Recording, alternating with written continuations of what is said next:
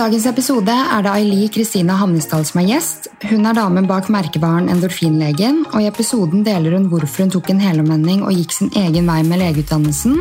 I dag holder hun bl.a. foredrag, er vokalist og forfatter av bøkene Endorfin som medisin og Ikke bare en følelse, og nå er hennes tredje bok, Den ultimate PMS overlevelsesguide, straks ute i butikk.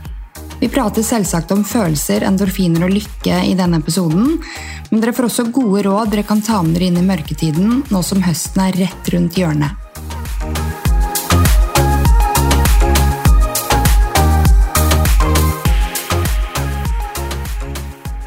Alt lå til rette. Jeg var ferdig med medisinstudiet, var ferdig med turnustjenesten, var i jobb. Eh, tenkte egentlig at jeg hadde gjort alt riktig.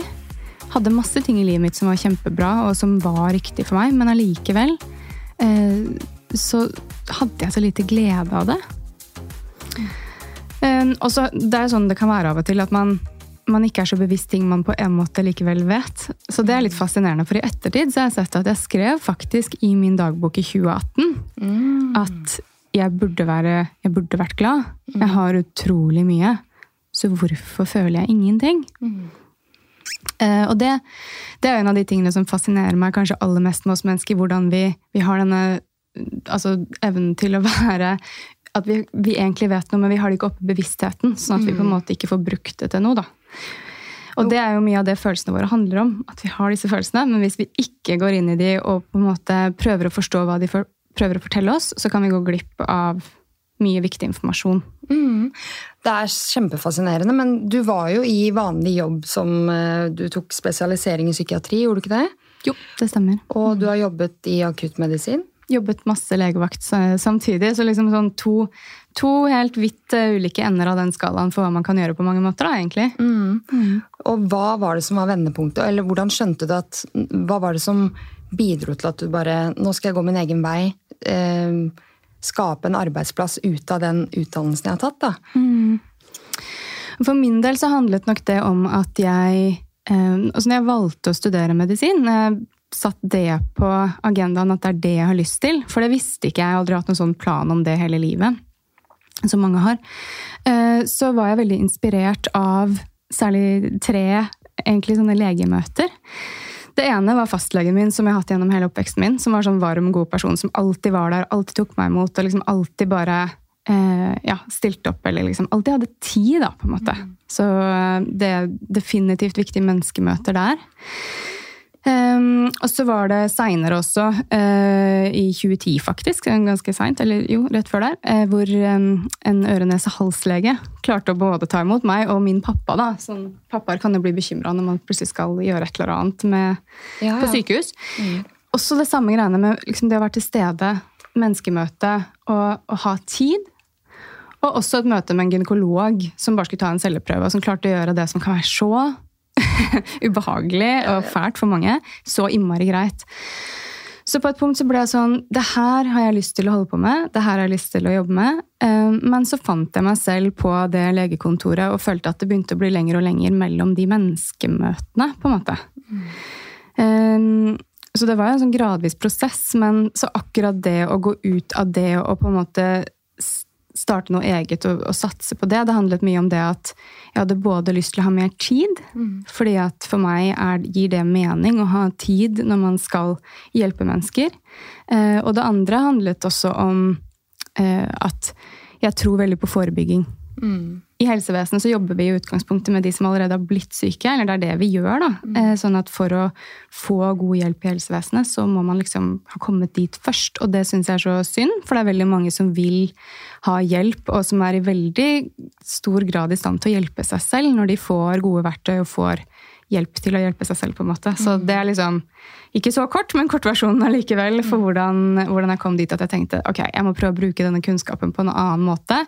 I tillegg til at jeg da, som jeg forteller en del om i den boka, som den, ikke bare en følelseboka, at jeg har på en måte gått en vei selv fra å synes at følelser er helt uforståelig, og som jeg skriver, var et analfabet i følelser, egentlig, til å, å på en måte forstå verdien av de og være i stand til å lytte til følelsene. Da. Så jeg har lyst til å bruke den historien og kunnskapen sammen i håp om at det kan hjelpe andre, så det ikke blir så vanskelig å finne ut av alle disse tingene. da. Men var det pandemien som fikk deg til å innse det, eller skjedde det før eller etter pandemien at du tok det steget ut av eh, din vanlige jobb og bare Nå skal jeg holde foredrag, jeg skal hjelpe folk alene, på en måte. Ingen skal være min sjef. Eh, jeg skal skrive bøker. Oi, Det er egentlig et godt spørsmål, for det skjedde jo gjennom pandemien. Og før pandemien så hadde jeg akkurat rukket å skrive den første boka. Da hadde ikke jeg noen sånn klar plan om dette her. Eh, så det ble litt sånn til mens jeg gikk. Og jeg skal ærlig innrømme også at for meg, altså for alle har jo den pandemien den tiden vært en veldig sånn rar tid. Men for meg så gjorde jo det nok at det å på en måte si opp jobben sin og sette seg på et kontor og gjøre noe så rart som å starte en bedrift og begynne å jobbe på den måten, det var liksom plutselig litt det alle gjorde. Altså De gjorde jo ikke nødvendigvis det, men alle satt plutselig på hjemmekontor litt sånn for seg sjøl. Sånn at det som kanskje ville føles mye mer rart å gjøre, føltes plutselig litt sånn helt greit på en eller annen måte. da. Mm. Så det gjorde nok litt lettere, og gjorde kanskje også at det var ja, mer naturlig valg å satse litt på det litt lenger. Eller liksom, ja. Men den prosessen starta det med at du gikk til din leder og sa 'jeg sier opp', eller ble du permittert, og så begynte du å lage hjemmeside, eller hvordan liksom Fordi jeg har en del gründere i podkasten, og jeg vet at folk elsker å høre om folk som har gått sin egen vei. Mm. Og er det noe jeg selv elsker, så er det å høre folks historie, eller at de har brukt utdannelsen sin til å skape sin egen arbeidsplass, og gå litt utom, utenom det som er eh, vanlig, da. Mm. Når jeg kom til et punkt hvor jeg bestemte meg for at dette har jeg lyst til å satse på Jeg vet ikke hvordan man skal gjøre det, for det gjør man jo gjerne ikke. Man har noen det jeg pleier å kalle litt sånn steiner i bekken. Man kan se noen ting man kan gjøre, sånn er det i riktig retning, så, men så må man på en måte ta det spranget kanskje likevel. da. Mm. Eh, og det er klart at eh, det er jo forbundet tror jeg, for de aller fleste med ganske stort ubehag og mye usikkerhet. At det kommer man ikke unna. og Jeg husker veldig godt det, at jeg syntes det var skikkelig vanskelig. Men, men, jeg valgte til slutt å si opp, ja. At jeg tenkte ok, nå, nå ønsker jeg å satse på dette og gi det litt tid og se hvor langt jeg kommer. Og så kan jeg heller ta en ny vurdering. Mm. Eh, så ja. Jeg husker det øyeblikket veldig godt. Ja, og det var da i Det Oi, nå går jo tiden fort her. Det var um, Nå er det vel to og et halvt, tre år siden, ja. Mm. Og etter det har du stått på egne ben? Etter det har jeg stått på egne ben, ja. Mm. Hvordan ble merkevaren endorfinlegen til, da? Du, det er jo egentlig i forbindelse med den første boka, 'Endorfin som medisin'. For det var jo før jeg egentlig da hadde skrevet noen bok og tenkte at jeg skulle være forfatter. Jeg visste ikke om jeg kunne skrive en bok i det hele tatt, for man starter jo gjerne der. ikke sant? Man har ja, ja. lyst til noe, og så bare Gud, kan jeg gjøre det? Det, det vet jeg ikke. Eh, men inspirasjonen min for å skrive den boka, det kom faktisk fra uh, den oppdagelsen av hvor utrolig mye det å endre humøret og følelsene kan ha å si for forskjellige ting. Og for min del så startet det med disse lange eksamensperiodene på medisin. Hvor ehm, Jeg vet ikke om du kan kjenne deg igjen i det, men at hvis man plutselig skal lære fryktelig mye på kort tid, så kan det av og til føles som man liksom bare dytter veldig mye informasjon inn i hodet. Ja. Og så det liksom, sier det stopp. At det mm. kjennes liksom kanskje ut til lunsj allerede. At vet du hva, nå er det ikke plass til mer, jeg orker ikke mer. Mm. Eh, og man mister motivasjonen og er bare veldig sånn sliten. Mm. Og så vet jo veldig mange, og meg selv inkludert, det at å løpe en eh, time i skogen eller gjøre et eller annet som tar litt lengre tid, det kan på en måte resette hodet litt, sånn at du kanskje orker å gjøre litt mer. da. Mm. Men på det tidspunktet her så bodde jeg på en sånn liten hybel, sånn studenthybel. Med, jeg tror det var kanskje én til to meter kvadratmeter plass foran senga mi. da, Hvor det gikk an å ha sånne korte treningsøkter. Mm. Og så oppdaga jeg til min store overraskelse at det trenger ikke å gå en time i skogen du kan, eller løpe en time i skogen. Du kan også trene ti minutter på den der lille kvadratmeteren der. Eh, og få veldig lik effekt. At du kan liksom gå fra den veldig overbevisende følelsen av at nå går det ikke an å lære seg noe mer, mm. til å på en måte bli klar for mer. da. Mm. Og så hadde jeg også veldig mye gode forelesninger på, på medisin om signalstoffer i hjernen, altså nevrotransmittere, og de tingene som faktisk endrer seg litt. Og så ble jeg bare kjempenysgjerrig. Ok, Hva er det som skjer? Hva er det som gjør? Hvordan kan man gjøre at man går fra liksom å føle noe så innmari overbevisende på den ene siden, til å plutselig bare føle noe helt annet på så kort tid?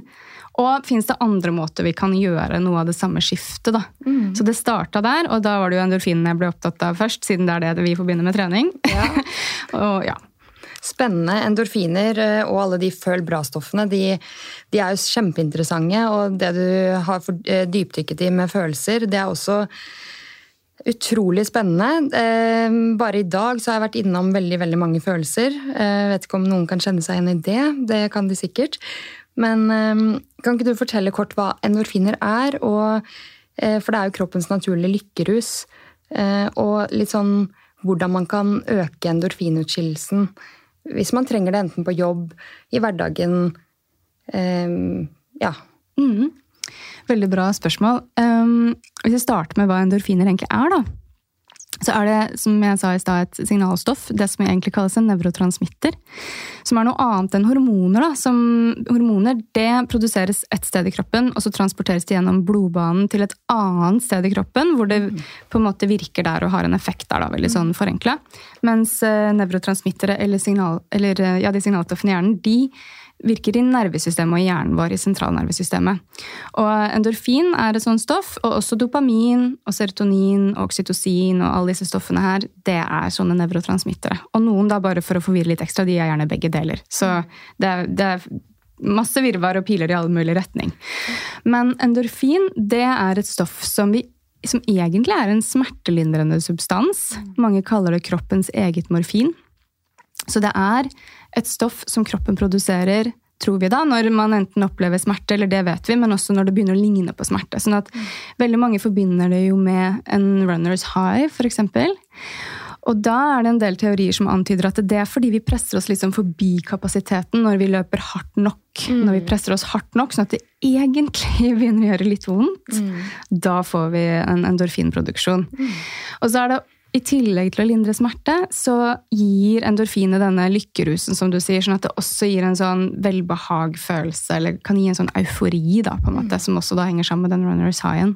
Så de som lider av f.eks. Eh, sterke PMS-symptomer eller mensen, for dem kan det gi effekt å løpe, selv om man tror at man må holde seg i ro? Det kan det, men her er jo alt det vi snakker om her nå, det er jo sånn hyperkomplekst og veldig sammensatt og veldig veldig individuelt. Så da kommer det litt an på hvorfor man har så vondt som man har. ikke sant? Hva, for noen så fungerer trening bedre enn andre. Det er veldig veldig mange ting som påvirker hverandre her. Eh, så, jeg, så da må man prøve seg fram litt. og se, For for noen så er det helt motsatt òg. At det å, det å redusere treningsbelastningen kan være noe av det beste man gjør for seg selv i de fasene. Så det er veldig individuelt. Mm. Men vi må litt over på følelser, fordi jeg syns det er superspennende. Eh, så jeg lurer på hvordan vi kan håndtere og uttrykke negative følelser på en sunn måte. Ehm, for jeg kjenner på at jeg kan reagere veldig kraftig ehm, ehm, foran andre, der hvor folk klarer kanskje å holde igjen. F.eks. hvis jeg er med familien til samboeren min. da, så ville folk kanskje holdt tilbake litt, fordi de tenker at jeg skal ikke vise helt mitt sanne jeg, jeg klarer å holde tilbake. Men jeg viser følelser eh, ute på gata, jeg viser følelser eh, for svigerfamilien. Um, på godt og vondt, da. Mm. Um, så hvordan kan man uttrykke det på en sunn måte uten at det kan virke sånn wow, er hun stabil, liksom? Mm. Ja, og jeg tror mange kan kjenne seg igjen i det. Så det er også et veldig godt spørsmål. Um, og jeg tror egentlig uh, Jeg får lyst til å spørre deg om ting, da, men jeg tror egentlig det handler mye om det der å øve på det. Og da det er jo litt sånn irriterende svar, men det er allikevel veldig ofte sånn man blir bedre til det. Og da mener jeg egentlig kanskje å øve på å kjenne på de følelsene og finne sånne lommer hvor du kan gå inn i de, enten bearbeide de og eller liksom få de litt ut. Mm. Altså fordi at litt sånn forenkla så kan vi snakke om følelsene våre som en slags form for energi, eller at det er en energi i kroppen.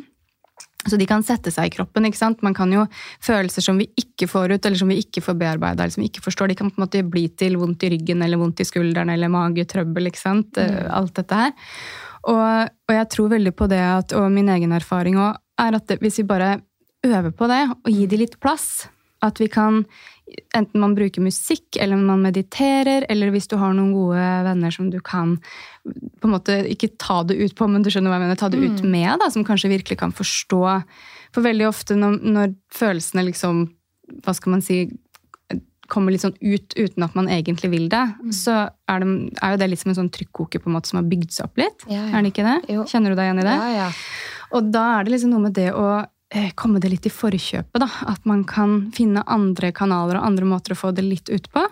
Eh, sånn at man liksom ikke bare blir gående med det inne. For veldig mange så tenker jeg at det er det det handler om. At, at man kanskje kan trenge å øve på det. Så det ikke liksom får lov til å bli så mye trykkoker, da. Men er det viktig å uttrykke de negative følelsene også? På lik linje som de positive?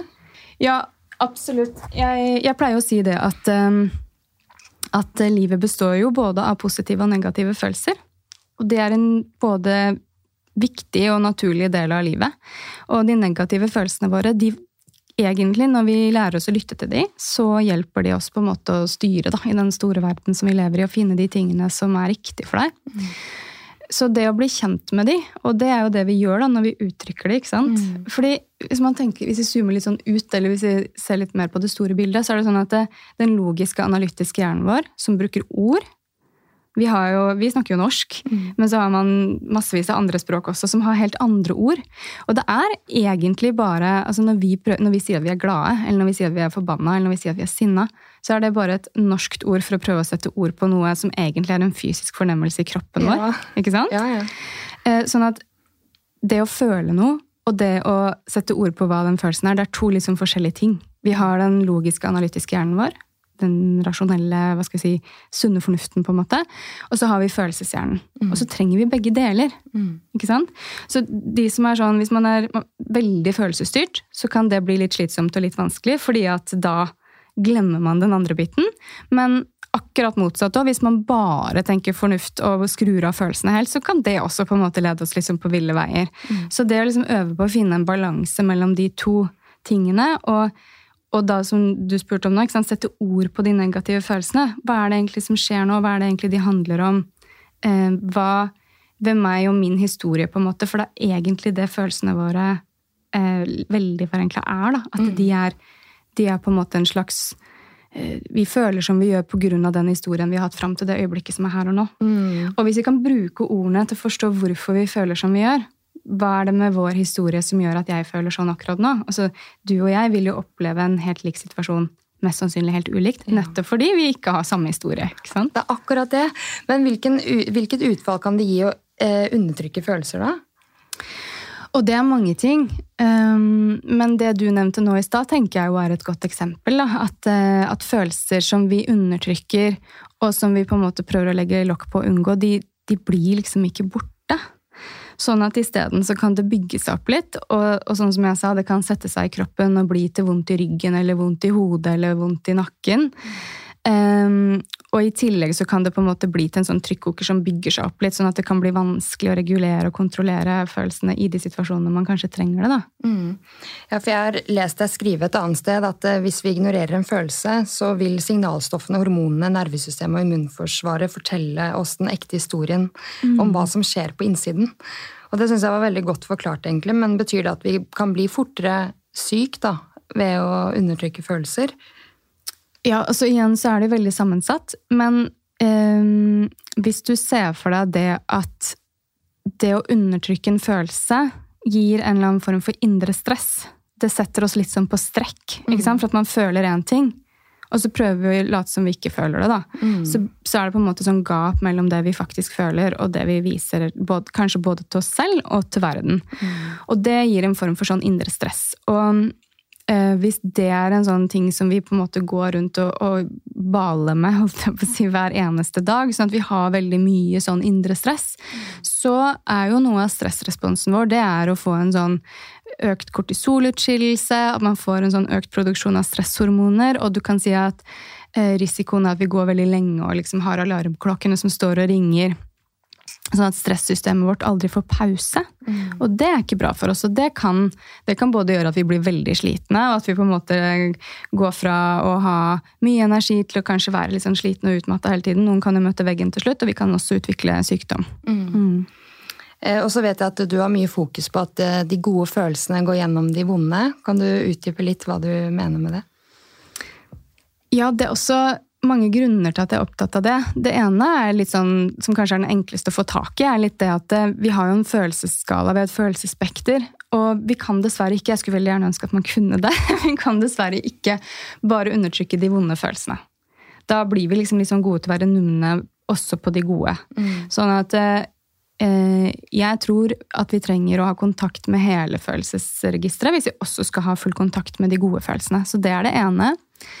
Eh, og det andre er det der hvis vi går tilbake til det indre stresset, som på en måte oppstår hvis vi Altså Du kan se på følelsene dine som på en måte din kontakt med deg selv. Mm. Når du har kontakt med følelsene, så har du kontakt med deg selv og på en måte litt ditt sånt indre anker. Mm. Så det er der du kan finne en indre ro.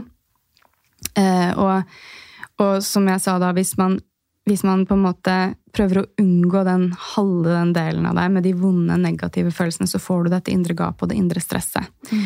Og det som kan skje hvis vi har mye indre stress i tillegg til det vi akkurat sa, er jo at man får behov for å finne måter å holde ut det på. Mm.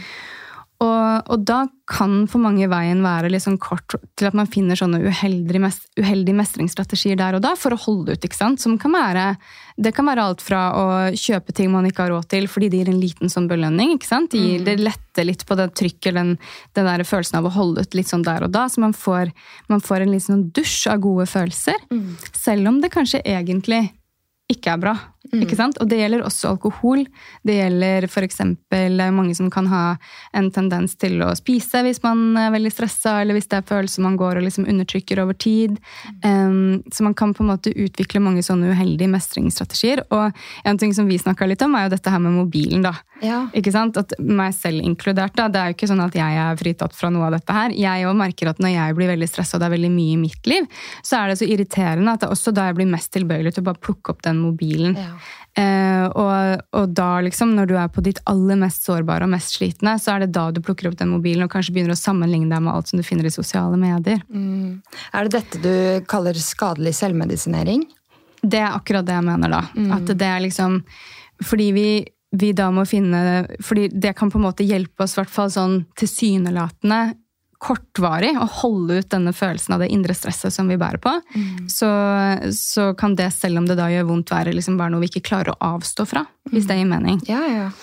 Og det er så synd, fordi hvis det da bare gjør vondt verre, hvis vi da bare finner tusen grunner til at vi aldri er gode nok, ikke sant? hvis vi sammenligner oss på sosiale medier, så øker det det indre stresset enda mer. Mm. Så det kan bli en veldig sånn negativ spiral for mange. da. Mm. Og i boka di så har du et kapittel som heter 'Det vi aldri fikk', i den boken som heter 'Ikke bare en følelse'. Og det syns jeg var veldig interessant eh, kapittel, eller eh, avsnitt, eh, hvor du er åpen om den relasjonen du var i en gang. Som fikk deg til å innse hva du hadde opplevd, eller egentlig aldri fikk oppleve. Mm. Kan du dele litt mer om det? For det tror jeg mange kan kjenne seg igjen i at eh, fra vi er små, da, eller når vi blir eldre og går inn i relasjoner, for det er ofte i relasjoner vi blir trigga, og at følelsene bare pang mm. eh, ja, kommer til uttrykk. Eh, og det kan være veldig sårbart å i møte med andre å bli eh, klar over hva man ikke har fått oppleve selv. Enten det var fra man var barn eller gjennom mm. Ja, det kan være skikkelig vanskelig. Det er jo det er sånn som du sier nå, ikke sant? I oppveksten vår så får vi på en måte det vi kaller vår referanse. Vi vet jo ikke at det vi ikke har fått, fins, på en måte. Sånn er det jo for alle. Mm. Um, og, og, det i seg selv for min del har vært kanskje noe av det aller viktigste. Å, å bli klar over at noe du faktisk ikke vet at fins, fins. Ja. Og det kan høres litt sånn rart ut. ikke sant? Mm. Det er mm. liksom den der kyllingen inni det egget. Å bli klar over at du er inni et egg å forstå at det fins en verden utenfor. på en måte. Mm. Det er litt sånn vanskelig og krevende mental oppgave i det hele, mm. i det hele tatt, men, men, også veldig eh, verdifullt og givende når du forstår det, fordi at det betyr at du Det er kanskje noen ting du aldri har opplevd, noen ting du aldri har hatt eller aldri kjent på i relasjoner. Som du vil ha, og som er sunt, og som du på en måte kan få. Men du må jo tro på det først. Mm. Ikke sant? Og når vi er små, altså Du har også et uh, kapittel hvor du snakker om det uh, barnet i oss uh, og selvfølelsen.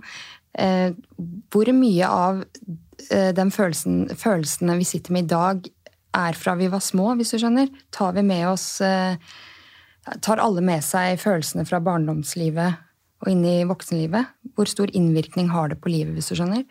Hva vi opplever som barn? Mm, et, hvis jeg forstår spørsmålet riktig, så um, er det i hvert fall én veldig viktig ting vi tar med oss, som vi bygger i veldig stor grad når vi er små, og det er det vi kaller selvfølelsen. Mm. Og det handler jo om den følelsen av å være verdifull uavhengig av prestasjoner eller på en måte hva du holder på med eller hva du gjør. Selvtillit det handler jo mer om at du har en tillit til at du selv kan utføre en eller annen oppgave. Mm. Men selvfølelsen vår den, den, handler på en måte ikke om det. Den handler om at vi føler at vi er likeverdige andre mennesker, og at det ikke handler om på en måte hva vi får til. Mm. Og, og, den varierer. den kan variere veldig. Eh, men, men, det er jo også eh, Det er jo kanskje også noe av det som Sånn skal jeg si det enkelt, da.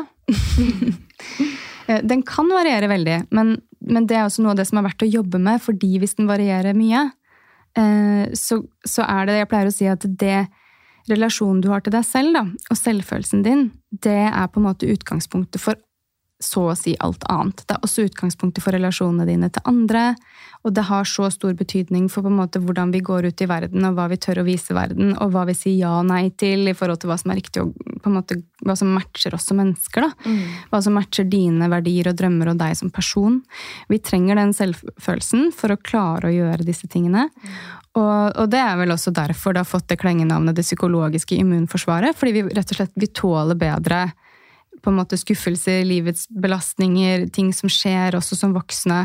Eh, hvis vi har en stabil selvfølelse, da. Mm. En eh, grunnleggende følelse av verdi, liksom? Ja, som mm. er uavhengig av dine prestasjoner. prestasjoner ja. For det er det som skjer hvis du har en hvis du ikke har en stabil selvfølelse, så vil man kanskje kunne oppleve at når man mestrer et eller annet, og et eller annet går skikkelig bra, sier man gjør det skikkelig bra på eksamen, eller man holder et foredrag og det går skikkelig bra, eller noen kommer og forteller deg at du er fantastisk, så kan man plutselig føle på at man føler seg verdifull. Mm. Men så blir det borte igjen når noe går motsatt, når noe går ja. dårlig. ikke sant? Så går det rett i kjelleren. Og da, da, er på en måte selvfølelsen litt sånn ustabil. Mm. Men hvis man har jobbet med den, eller har vært heldig å få med seg en stabil selvfølelse fra man var liten, så skjer på en måte ikke det i samme grad. Nei. som man, det liksom preller litt mer av. Mm. mm. Jeg kan bare kjenne på det at hvis man eh, man tror man har en grunnleggende god selvfølelse, men så kan man bli trigget sånn at det gamle mønsteret kommer frem i en relasjon, f.eks. med partner. Eh, eller at du blir sintere på barna enn det du kunne ønske. Eh, da merker jeg at da går selvfølelsen min rett eh, vest. Eh, selv om jeg lenge har følt meg bra, og så mm. plutselig så skjer det en episode som gjør at oi, nå, nå sa jeg ting som jeg ikke Eh, skulle ønske at jeg sa til partneren min, f.eks. Og dette kan jeg kjenne på f.eks. i dagene før mensen, at jeg er et monster. Og så kan jeg bli sånn fy fader, hvem var det monsteret der? Og bare krype til korset og være sånn unnskyld. Skjønner du? Det er så fint at du deler det. Og der er du jo i hvert fall ikke aleine. Det er jo noe av det jeg også har blitt veldig opptatt av. Å få fram at For jeg er opptatt av humør, da, ikke sant? Mm. Og at um, til en viss grad så kan vi styre og påvirke humør og følelser selv. Men det er også noen ting vi har veldig lite kontroll over som kan påvirke eh, humør, dette humøret. Og en av de tingene er selvfølgelig hormonene våre. Mm. Og det du beskriver nå, er kanskje noe av det mest vanlige jeg fikk som svar når jeg spurte mange kvinner når jeg skulle skrive denne boka, om på en måte deres historie med, med syklus og endringer i humør og det vi kanskje kaller PMS. Da. Det er mange som kaller eh, de tingene man kan merke i forbindelse med syklus, som PMS. Mm som symptomer. Og så har vi også egentlig sånn klinisk PMS som er litt mer alvorlig. Men, men, jeg tenker at nettopp det du sier nå, og det å vite at det, det her er veldig vanlig, og noen ganger så er dårlig humør bare hormoner som endrer seg, faktisk. Mm. Det er godt at du sier, fordi kan man egentlig skylde litt på hormonene? da? At eh, man er klar over det i et parforhold, f.eks. At eh, nå er disse dagene her, på en måte. Um, ja, jeg har veldig lyst til å bidra til at, um, at vi liksom kan få lov til å være litt sånn som vi er. Mm. For jeg tenker at uh, det her er på mange måter en av de skal vi si, prisene vi betaler for at kvinnekroppen er i stand til å produsere barn. Mm. Og under huden så gjennom måneden så er det store hormonelle endringer. Noen merker jo ingenting til det. Men noen merker veldig mye til det, og noen klarer jo heller ikke å fungere i jobb eller være sosiale i det hele tatt. Og så skulle jeg ønske at vi Det er jo både derfor jeg er opptatt av følelser og skriver om det, og derfor jeg er blitt også opptatt av hormoner og skriver om det. For jeg skulle ønske at vi kunne bli litt rausere med hverandre. Og bli litt, eh, litt, bedre til å akseptere at vi er ulike. Og, og, vi kan bli veldig sårbare, og vi kan bli veldig emosjonelle. Vi kan bli veldig slitne. Fordi i, for noen, altså de som merker aller mest, så tenker jeg at vi kan si sånn forenkla i hvert fall, at kroppen bruker plutselig veldig mye av ressursene sine på denne å gjøre klar for denne potensielle graviditeten, da, egentlig. Mm. Og da, det, da, er det veldig rart hvis ikke vi skulle merke noe til det mentalt også. Ja, men menn de er ikke sykliske vesener, ikke sant? Det er bare vi kvinner som er det? De har ikke denne, de har mer sånn døgnsyklus. Mm. Sånn som vi for så vidt også har. Det er mange sykluser i den uh, biologiske maskinen som vi går rundt i. Ah, herregud. Men hvis man står fast i en følelse, noe alle føler på uh, flere ganger i løpet av livet, hvordan kan man uh, komme seg godt ut av det? Hvilke tiltak kan man gjøre for å liksom snu om humøret eller den følelsen, da? Mm, veldig godt spørsmål. Og da, igjen da, så er det sånn jeg tenker at det aller aller beste du gjør, er å bli kjent med deg. og finne, liksom, Jeg pleier å kalle det knappene dine. fordi noen ting kan funke helt fantastisk for meg. Jeg kan f.eks. Eh, sette på musikk, bare det, for jeg holdt på med musikk hele livet. Så for meg er musikk en sånn kjempegod knapp som kan gjøre at hvis jeg setter på hvis jeg trenger å unngå følelser, for jeg trenger faktisk å ha god energi, jeg skal gjøre et eller annet på jobb, eller det er noe som gjør at jeg kan ikke være lei meg akkurat nå, så kan jeg sette på sånne gladlåter, og så hjelper det meg virkelig. Mm. Det neste på lista mi er kanskje å løpe. Mm. Det kan virkelig stabilisere mitt humør hvis jeg trenger det, og frigjøre masse energi, og liksom gjøre at jeg kan utsette det, eller liksom ta det seinere. Mm. Um, men også det å ringe noen som forstår, er veldig høyt på lista mi. Fordi mm. at jeg syns bare den følelsen av å bli forstått og bli tatt imot når man er usikker eller syns noe er vanskelig eller gruer seg til noe, det hjelper så ekstremt mye. Men, men fordi jeg vet jo dette her fordi jeg har eksperimentert ikke sant? og testa. Eh, og her finnes det dessverre bare liksom ikke noe fasit. Man må rett og slett finne sine ting. Ja, men Det er bra du sier at man må bli kjent med seg selv. Og jeg også har funnet ut mine ting som funker. Det med løping, f.eks. Og det er jo litt funny at eh, hvis man har en krangel, da, eller har sagt noe stygt, og så tar man seg en løpetur, og så er jeg liksom ta-da, hallo! Så, helt... så, er jeg fornøyd. Men da har jeg kanskje påført dårlige følelser til min partner. Mm. Eh, og så kanskje han ikke har bearbeida det helt, da.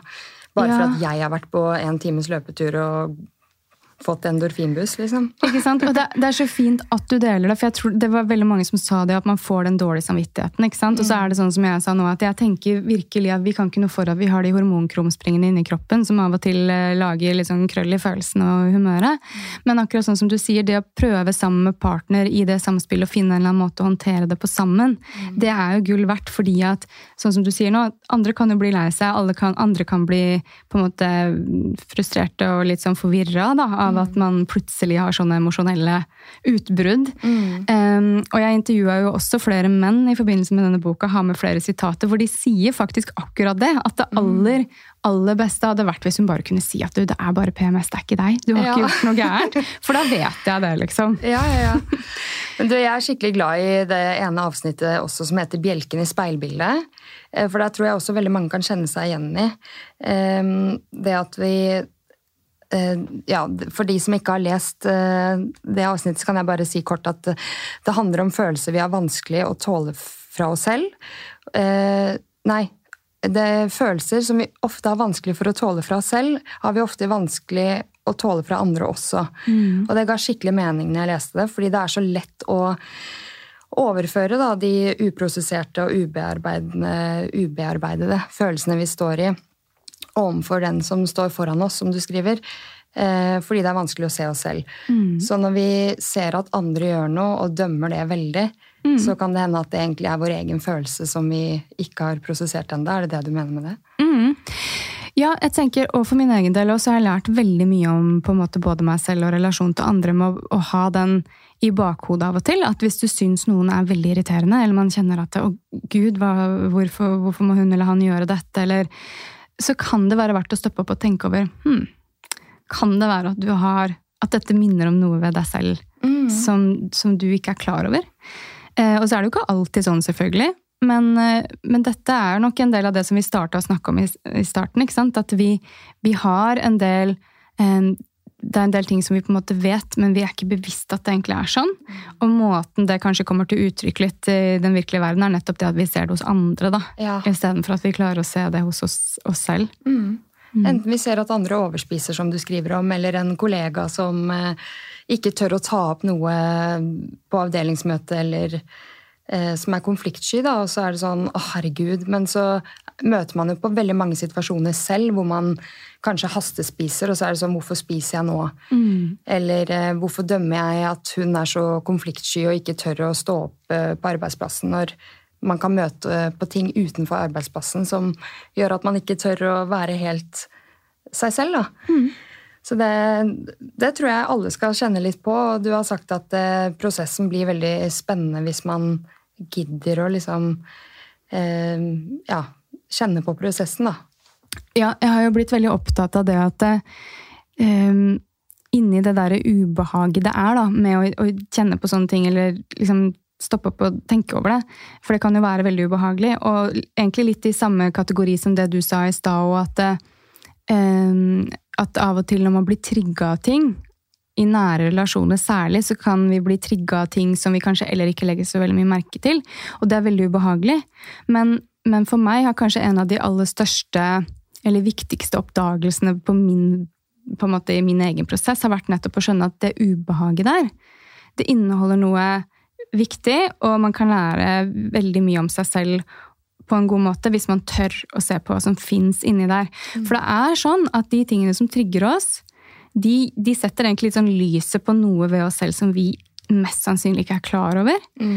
Og hvis vi blir klar over hva det er, og kan på en måte um, finne en måte å akseptere det og bli liksom glad i det, eller i hvert fall godta at det er sånn, mm. det kommer til å gjøre at vi vokser som mennesker og blir tryggere og stødigere, og nettopp det der med den selvfølelsen. da. Mm. For da, hvis vi kan finne en måte å synes at det er helt greit at vi er sånn, så blir det kanskje ikke så ubehagelig neste gang. Nettopp. Og du, du nevnte jo musikk, og da vil jeg bare, eh, for ikke å glemme å gå inn på det, at du har en musikkbakgrunn før mm. du studerte medisin. Det stemmer. Ja. Mm. Eh, hva, og du hadde platekontrakt en gang, hadde du ikke det? Det stemmer også. Jeg, jeg, holdt egentlig på med musikk i mange år. Og, og syns det er helt fantastisk å få lov til å være kreativ og, og, være i studio og lage musikk på den måten der.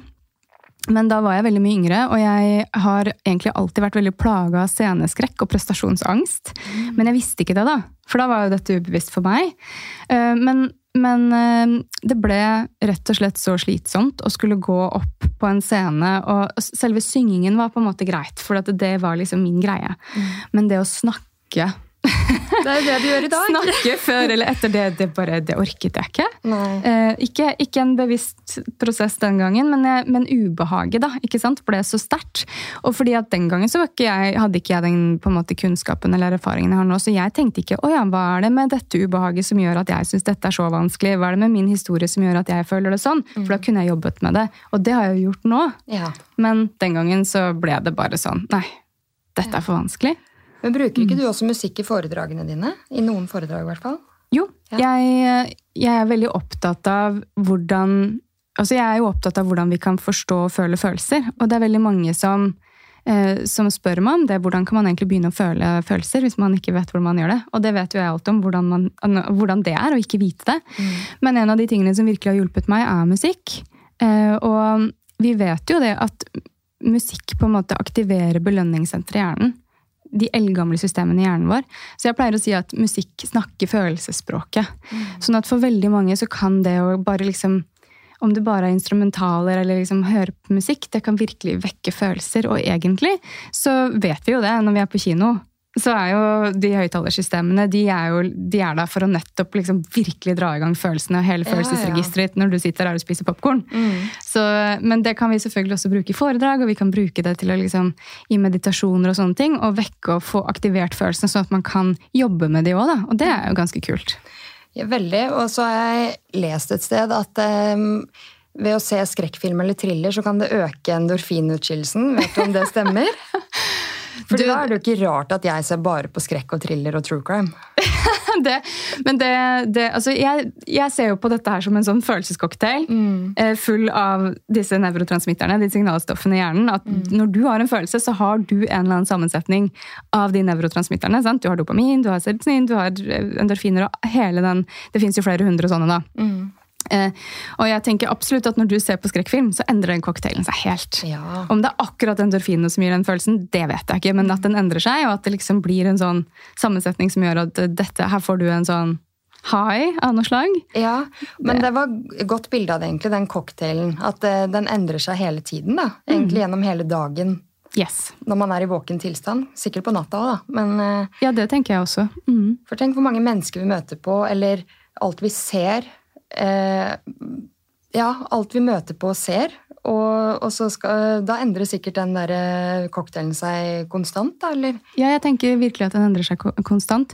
Og så er det jo ingen som vet eksakt hvordan dette her funker, men, men du kan si at vi har disse fem sansene da, som vi er vant til å tenke på, som handler om, sånn som du sier nå, vi ser ting, vi smaker ting, vi lukter ting, vi hører osv., og, så og vi kan kjenne berøring. Eh, så det er på en måte antennene som er rettet ut mot verden, og som hele tiden, hele tiden kontinuerlig tar imot masse, masse, masse signaler som hjernen din driver og tolker, og som jeg tenker da påvirker denne cocktailen delen. Mm. I tillegg til at vi har noen sånne sanser som, eller antenner som er retta innover mot kroppen, og som følger med på, på hva som skjer når tarmene dine knar, eller at hjertet ditt banker, og ting som du ikke legger merke til. Mm. Men kroppen din følger med. Så all denne informasjonen til sammen, veldig forenkla, blir til denne cocktailen, eller i hvert fall endrer den cocktailen hele tiden. Så jeg tenker akkurat sånn som du sier nå, at du kan ikke jeg tenker at Vi kan tenke at vi kan ikke smile til noen, vi kan ikke gå forbi noen på gaten, vi kan ikke høre på musikk, vi kan ikke ta en treningsøkt eller gjøre ting uten at den cocktailen endrer seg. Men det er også noe av det vi kan bruke bevisst. at jeg tenker at Når du har krangla med partneren din, og så går du ut og løper, så er det én ting vi virkelig vet at på en måte resetter denne cocktailen. Så er det trening. Fysisk aktivitet er en av de beste tingene vi kan gjøre for å på en måte stabilisere og endre humøret vårt. Mm. Er det andre ting Jeg spurte deg sikkert i stad hvis ikke jeg har glemt det. Nå har vi snakket en del om humør og følelser, men som øker endorfinutskillelsen? Spurte jeg om det i stad. Det er jo dette med trening, ja, ja, det kan godt være at jeg ikke svarte ordentlig på det. husker jeg faktisk ikke helt. Nei, men eh, så har jeg lest også kald dusj, har du nevnt? Ja, det er jo mange ting. Du, altså, den mest kjente er jo løping, og da intens form for trening. Mm. Altså høy, høy, høy intens trening. Mm. Um, dusj, kald dusj, det er jo sant, det er ubehagelig. Vi får masse adrenalin vi får masse endorfiner. Det er ubehagelig. Du får rett og slett litt sjokk hvis du står inne i dusjen og skrur altså vannet til det kaldeste. Så er det noe de aller fleste vil hive, hive etter pusten, for det er veldig ubehagelig. Så da får mm. man også endorfiner. Um, massasje. Mm. Hvert fall når det er litt sånn at de virkelig legger litt vekt på så, så, tenker jeg også at man kan få trigga mye endorfinproduksjon. Vi har jo noe som heter latteryoga. Jeg tenker at yoga i seg selv, det når vi liksom strekker litt på Det er det jeg tenker, da. At liksom det å strekke på sener og ledd og sånn, det kan jo være litt vondt, og kanskje nok til at vi liksom trigger den endorfinproduksjonen. Mm. Um, akupunktur vet vi. altså Det er mange sånne ting. Mm. Men, men, siden jeg tenker at de aller fleste i hverdagen er ute etter liksom det jeg liker å kalle liksom føl bra-cocktailen, som er mange flere stoffer. Det kan jo også være oksytocin, altså kosehormon. Jeg har en hund og er veldig glad i å gi henne, altså stikke nesa ned i pelsen hennes og gi henne en skikkelig god klem og tenke at nå får jeg litt mer sånn kosehormon, som mm. også gir velvære og velbehag. ikke sant? At vi mm. får de gode følelsene. Eh, det fins mange, mange ting vi kan gjøre for å la oss si bare få mer følbra-stoffer. Mm. Og da er vi tilbake til de knappene. ikke sant? At For meg funker det med hunden, løping, ja. musikk. ja, Og så må man mm. finne ut hva som funker for deg, da. Eh, dette med smil og se folk i øynene og gi et smil, det har jeg kjent nå etter at jeg logget av sosiale medier funker, for jeg er på sykkeltur med minstemann hver kveld. Eh, og han skal jo stoppe opp og klappe på hunder hele tiden. Han er sånn 'Hva gjør du? Hvor gammel er du? Hva heter du?' Så det blir veldig mange menneskemøter på tre kilometer. da. Ja.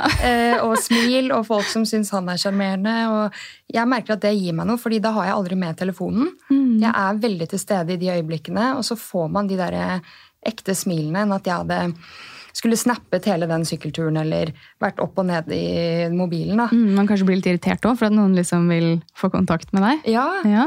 Så det, det, med ansiktsuttrykk og de derre eh, Jeg vet at nære relasjoner er viktig, men jeg har erfart at de der små møtene man har hvis man drar på matbutikken, så møter man noen kjente foreldre fra barnehagen f.eks., eller noen andre bekjente på hjørnet utenfor Sats, eller eh, bare de små samtalene der også, gir meg en sånn skikkelig god følelse.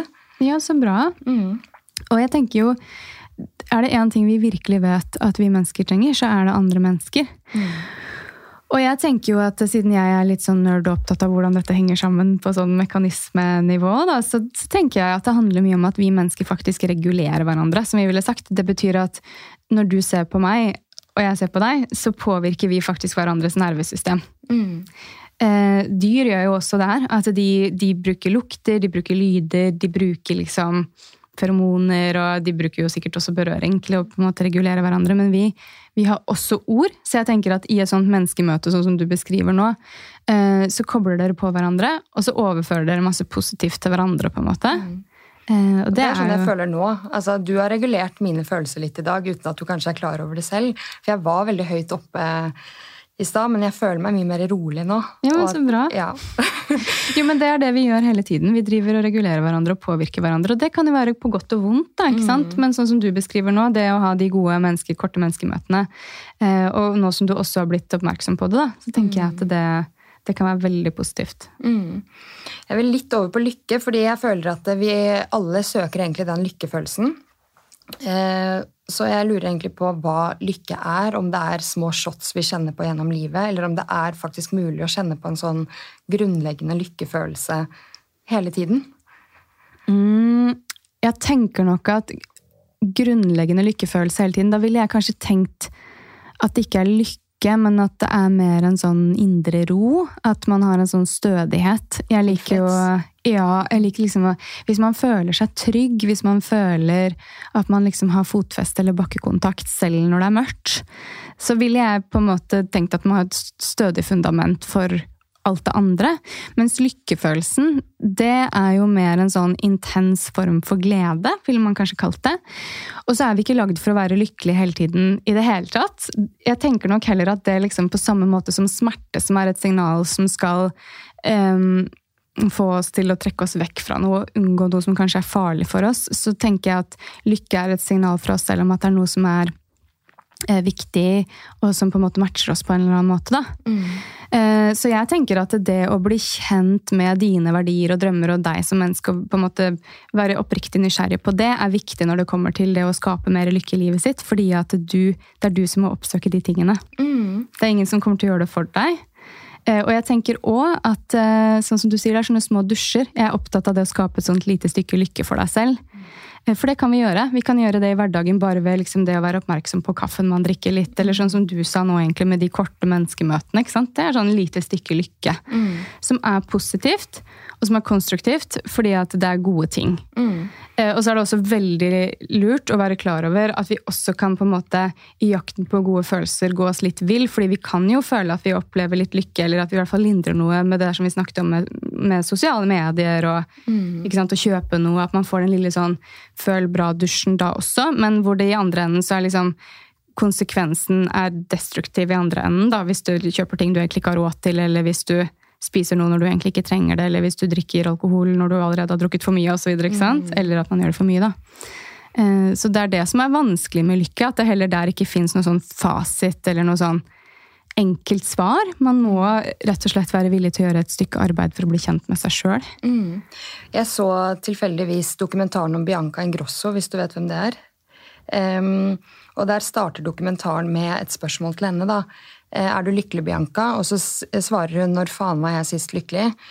Og hun har nok penger, hun har familie, hun har venner. Og da sier det meg at når hun ikke husker sist hun var lykkelig, at mm. det, det, handler om hvordan vi har det med vårt indre. da. Mm. Fordi alt det ytre for hennes del er jo på plass, på en måte. Ja, og det er det jeg kjenner igjen for min egen del òg. For når jeg tenker tilbake til 2018 der, så var det jo Det var jo ikke sånn at alt det jeg hadde i livet mitt, var feil. Det er veldig mye i livet mitt som var riktig, og som jeg fortsatt har i livet mitt. Og det var mange ting som var helt riktig for meg, og som matcha meg veldig godt. Men jeg opplevde at fordi at jeg hadde lite kontakt med følelsene mine, og ikke var, var liksom god til å ta inn de, så gikk jeg på en måte glipp av det som var godt i livet mitt, og ta inn de skikkelig gode følelsene over det. Og så gjorde jeg meg selv også på en måte passiv, for det er det vi på en måte gjør litt. da, Vi blir litt passive, eller vi kan i hvert fall bli det. For jeg tok ikke ansvaret for å finne ut hva som faktisk var riktig for meg, ikke sant? Å gjøre endringer. Så fordi jeg også da gjorde meg passiv, så var jeg ute av stand til å endre de tingene som ikke var bra. Mm. Og jeg tror det er veldig mange som kan gå litt i den fella, at man ender opp med at man liksom ikke helt har glede av alt det gode som er der, legger kanskje ikke helt merke til det, eh, men man fortsetter liksom bare på samme måte. Mm. Det gir jo mening. Mm. Um, ja, jeg har jo egentlig mye jeg vil innom her. Jeg ser at tiden løper litt, men um, kan du gi noen tips nå som vi er på vei inn i høsten og etter hvert vinteren, på hvordan man kan forebygge vinter- og høstdepresjon? Ja, det er jo, vi har kommet dit allerede. Det er jo helt utrolig at, eh, at vi har kommet dit. Uh, og nå i år så føles det som høsten kommer litt sånn ekstra fort, tror jeg, for mange.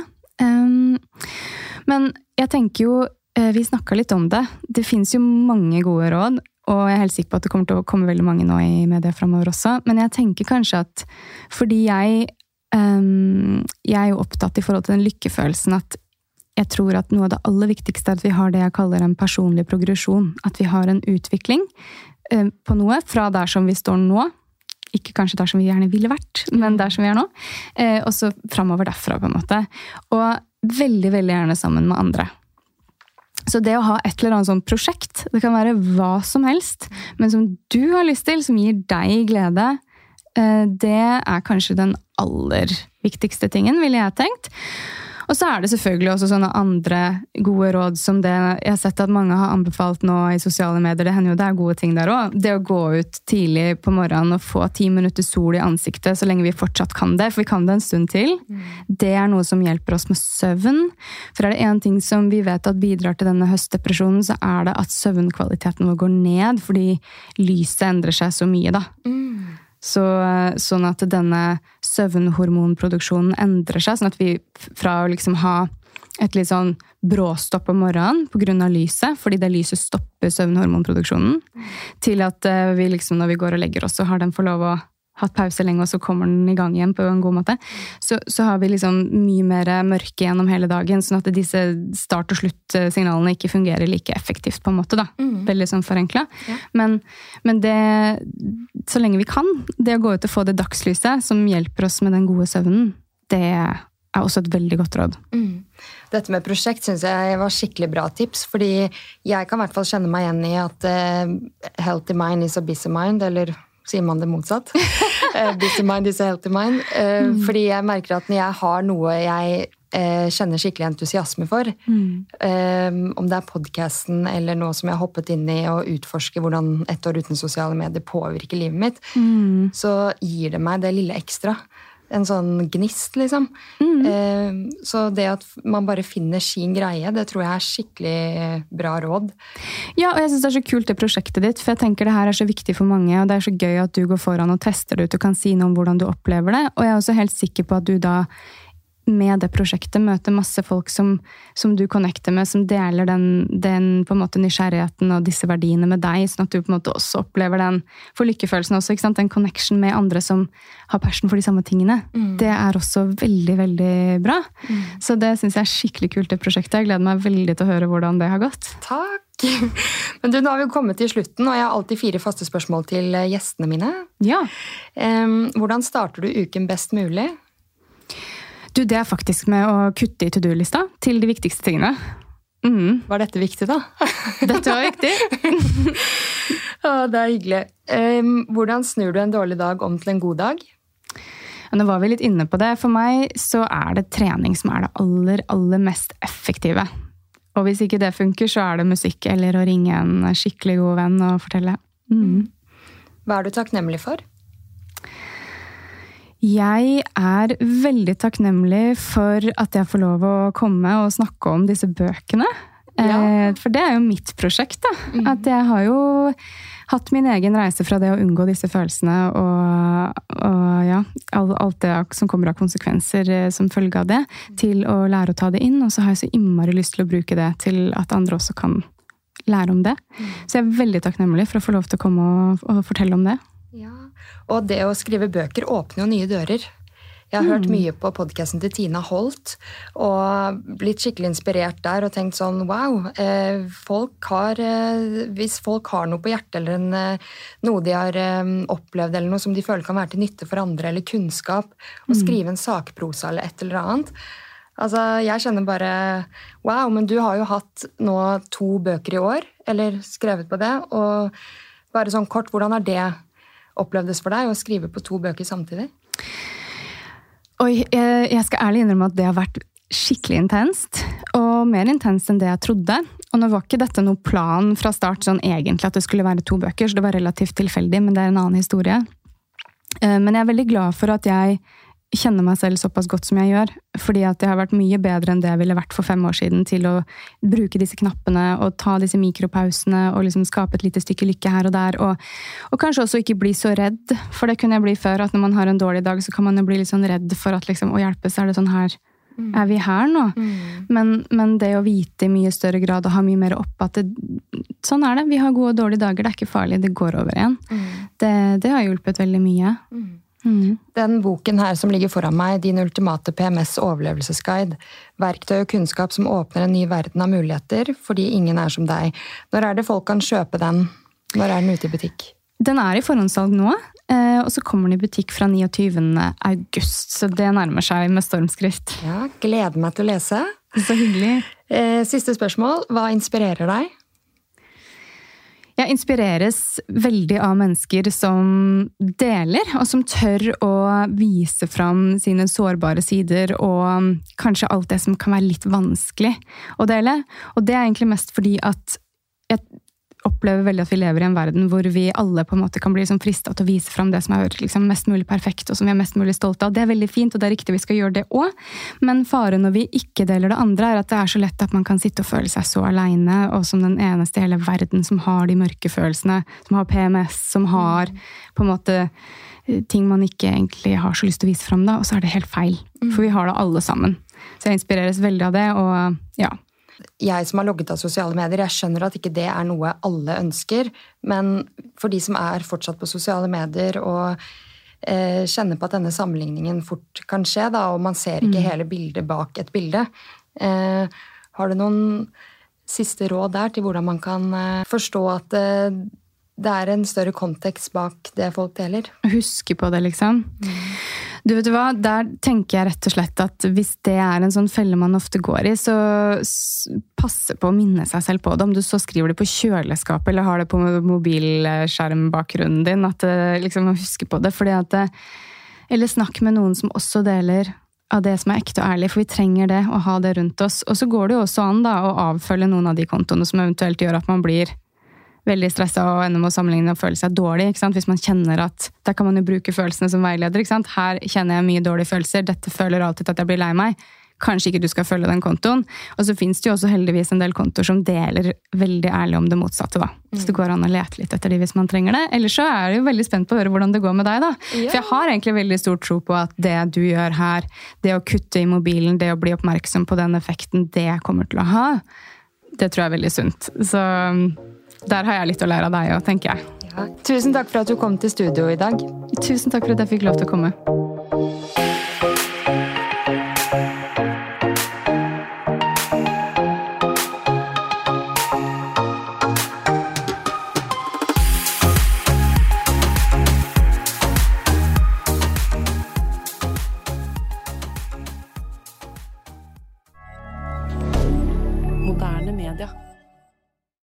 Har du et enkeltpersonforetak eller en liten bedrift? Da er du sikkert lei av å høre meg snakke om hvor enkelt det er med kvitteringer og bilag i fiken, så vi eh, gir oss her, vi. Fordi vi liker enkelt. Fiken superenkelt regnskap.